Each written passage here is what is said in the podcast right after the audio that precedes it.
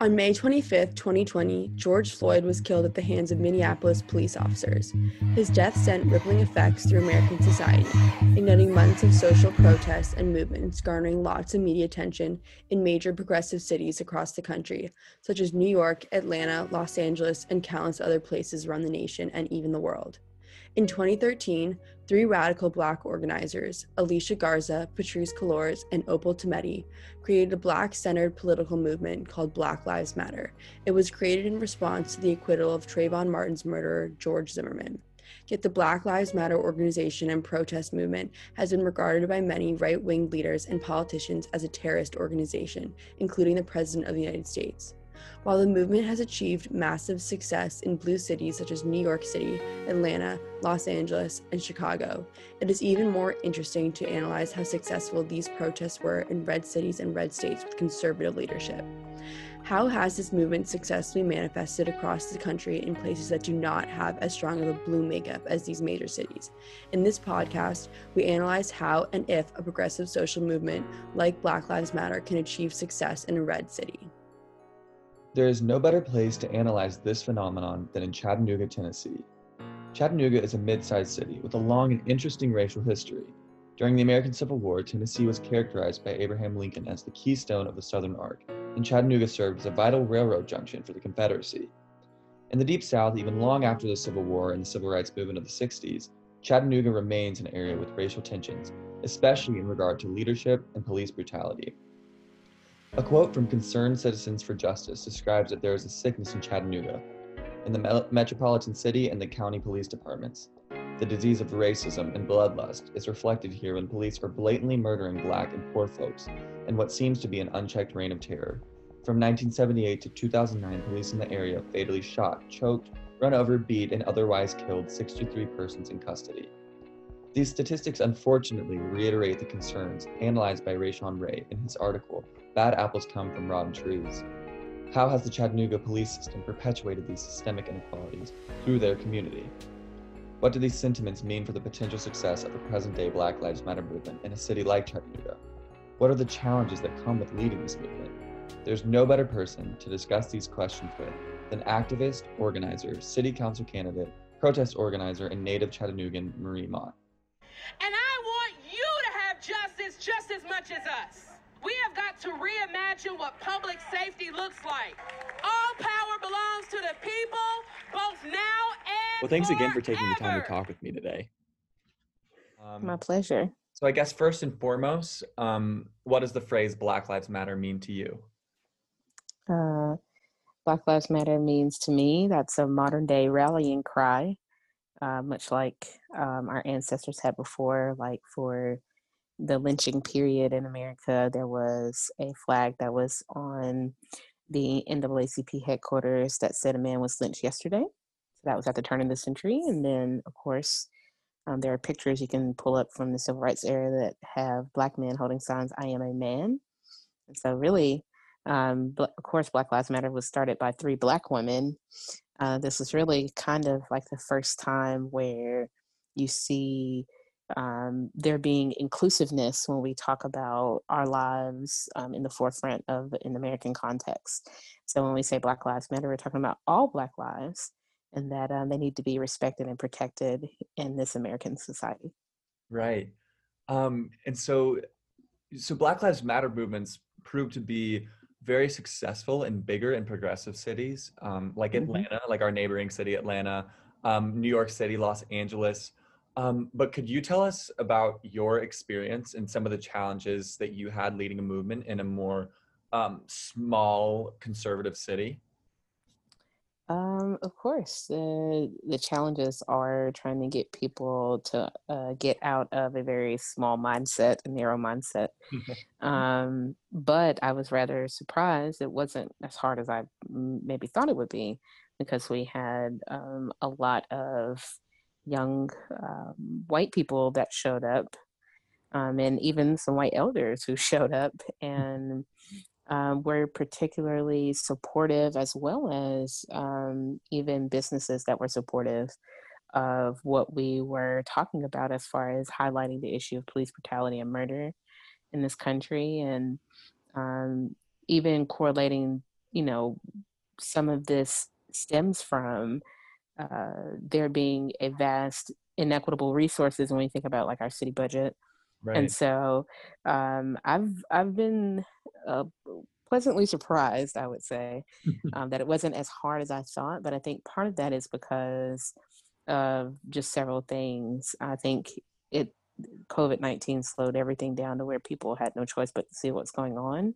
Right. And um, just seeing that it was so many Black people this summer who were murdered at the hands of police. So, of course, the most prominent was George Floyd, but I mean, we had Elijah McClain, Rayshard Brooks, Breonna Taylor, Ahmaud Arbery, um, and and so it, it it was the world was slow, and now you you can't say when you have four or five black people back to back to back getting murdered in various different cities across this country that shows that that's a systemic issue that this is a prevalent issue and it's a problem. And so um, I, I think it's it, the conditions were just perfect for there to be um, an organizing in the city of Chattanooga and I'm I'm grateful for the outcome that we had locally.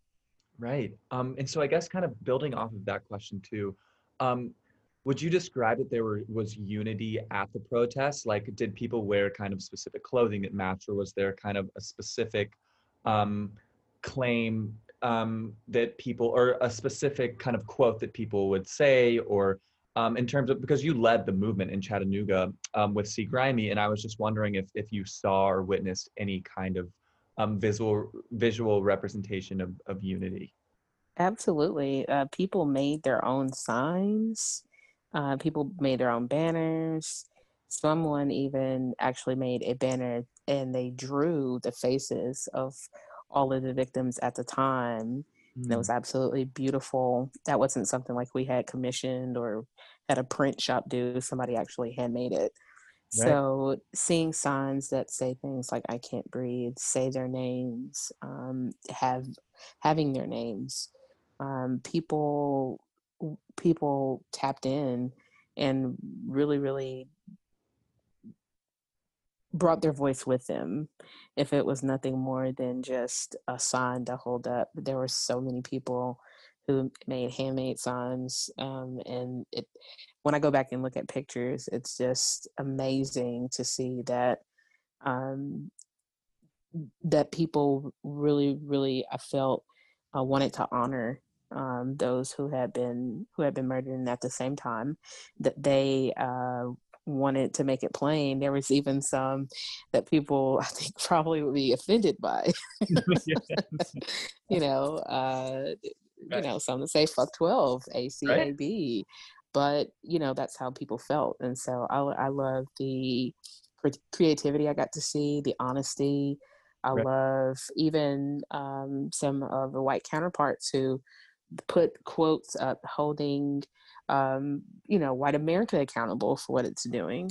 So i i i love being able to see there uh, be a, a unity amongst the honoring of the ancestors and those who have been brutalized as well as um, accountability to the system and even accountability to white america. Right. Um, and so i guess getting to the to the point of um, your earlier statements about kind of how surprised you were um, within the narrative of how successful um, the protests were, um, would you consider them to be diverse? Absolutely, absolutely. So we had people from every section of the city. Um, we had people from outside of the city. Mm. Uh, we we had um, at one point, we did a collaborative protest with uh, the LGBTQIA community in support of Black trans lives. Right. Uh, so we we had old and young, and we had babies there. It's pretty amazing. uh, to I I could never imagine uh, organizing a protest where I see, you know, kids three, four, five you know first of all their parents feel safe enough to bring them along but right. you know even them having signs and uh, taking you know at, at at so small taking part of, of raising their voice even they may not understand but taking part in democracy so absolutely right And and so did you feel that, you know, the diversity strengthened the protests and the mobilization of of getting, you know, all of Chattanooga involved? Absolutely. So, you know, it makes a difference uh, when uh, people would say things and you would have folks like, well, no, you know, our protest was safe and I took my kids with me and we were fine. Right. uh, it, it makes a difference when um, you look up on stage and you, and you see an ASL interpreter interpreting for anybody who may not may not be able to hear.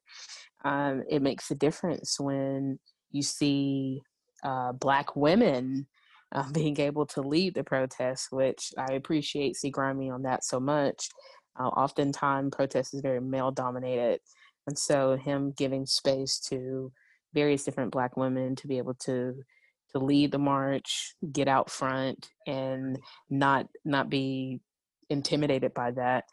Um, we had female clergy that supported us. Wow. Um, uh, so uh, it, it it it was having a little bit of some of everybody there that I think um, at at the swell. I mean, we, we had about a thousand people in the street when we did a joint protest with Concerned Citizens for Justice and seeing.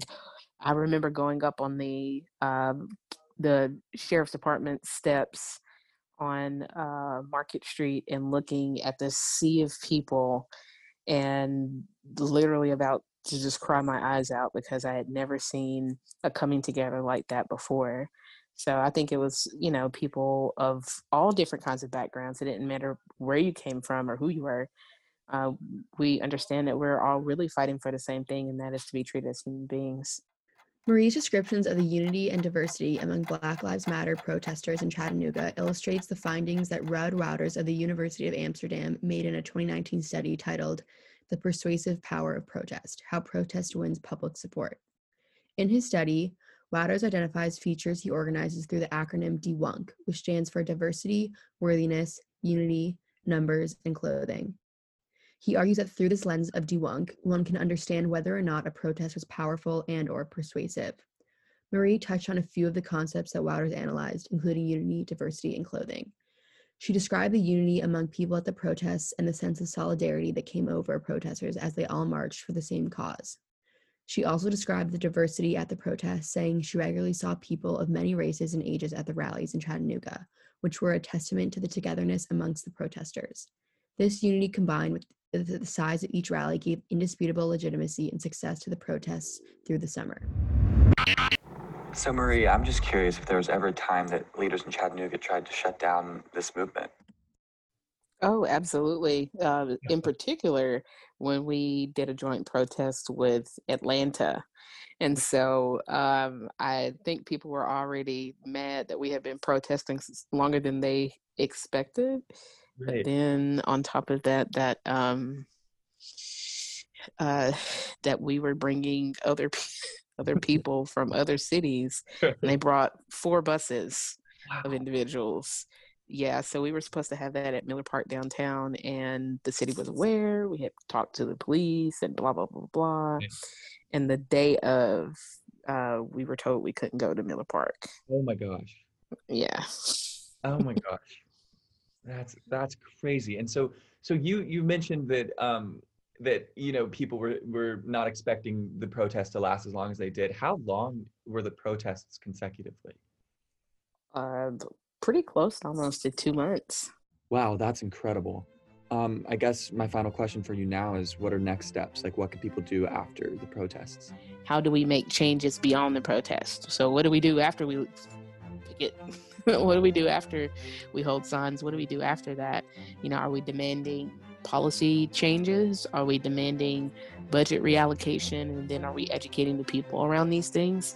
And uh, what other forms of resistance can people get into um, to bring about their own liberation? If if you're not uh, thinking about that while you're in the midst of protest, then um, what you're going to have is just a small window of opportunity and you will have gotten out your frustration but not really achieved anything. And that was one of the reasons why uh, we had demands pretty much from the very beginning um, that we wanted policy changes and budget reallocation because, yes, you know, turning up downtown is all it's, it's, it's fun and it's important and, and you get your emotions out um, but you have to be able to think about you know what do i want to do to make sure we don't end up right back here a year from now? Marie's closing thoughts are synonymous with the thoughts of the entire nation. How can we propel these movements forward to create real long lasting and influential change? That is the question most individuals find is the hardest one to answer. Yet, what is evident from her testimony is that even in places around the nation and the world that may appear to have incompatible governments or leadership with particular social movements, the will to protest for change prevails.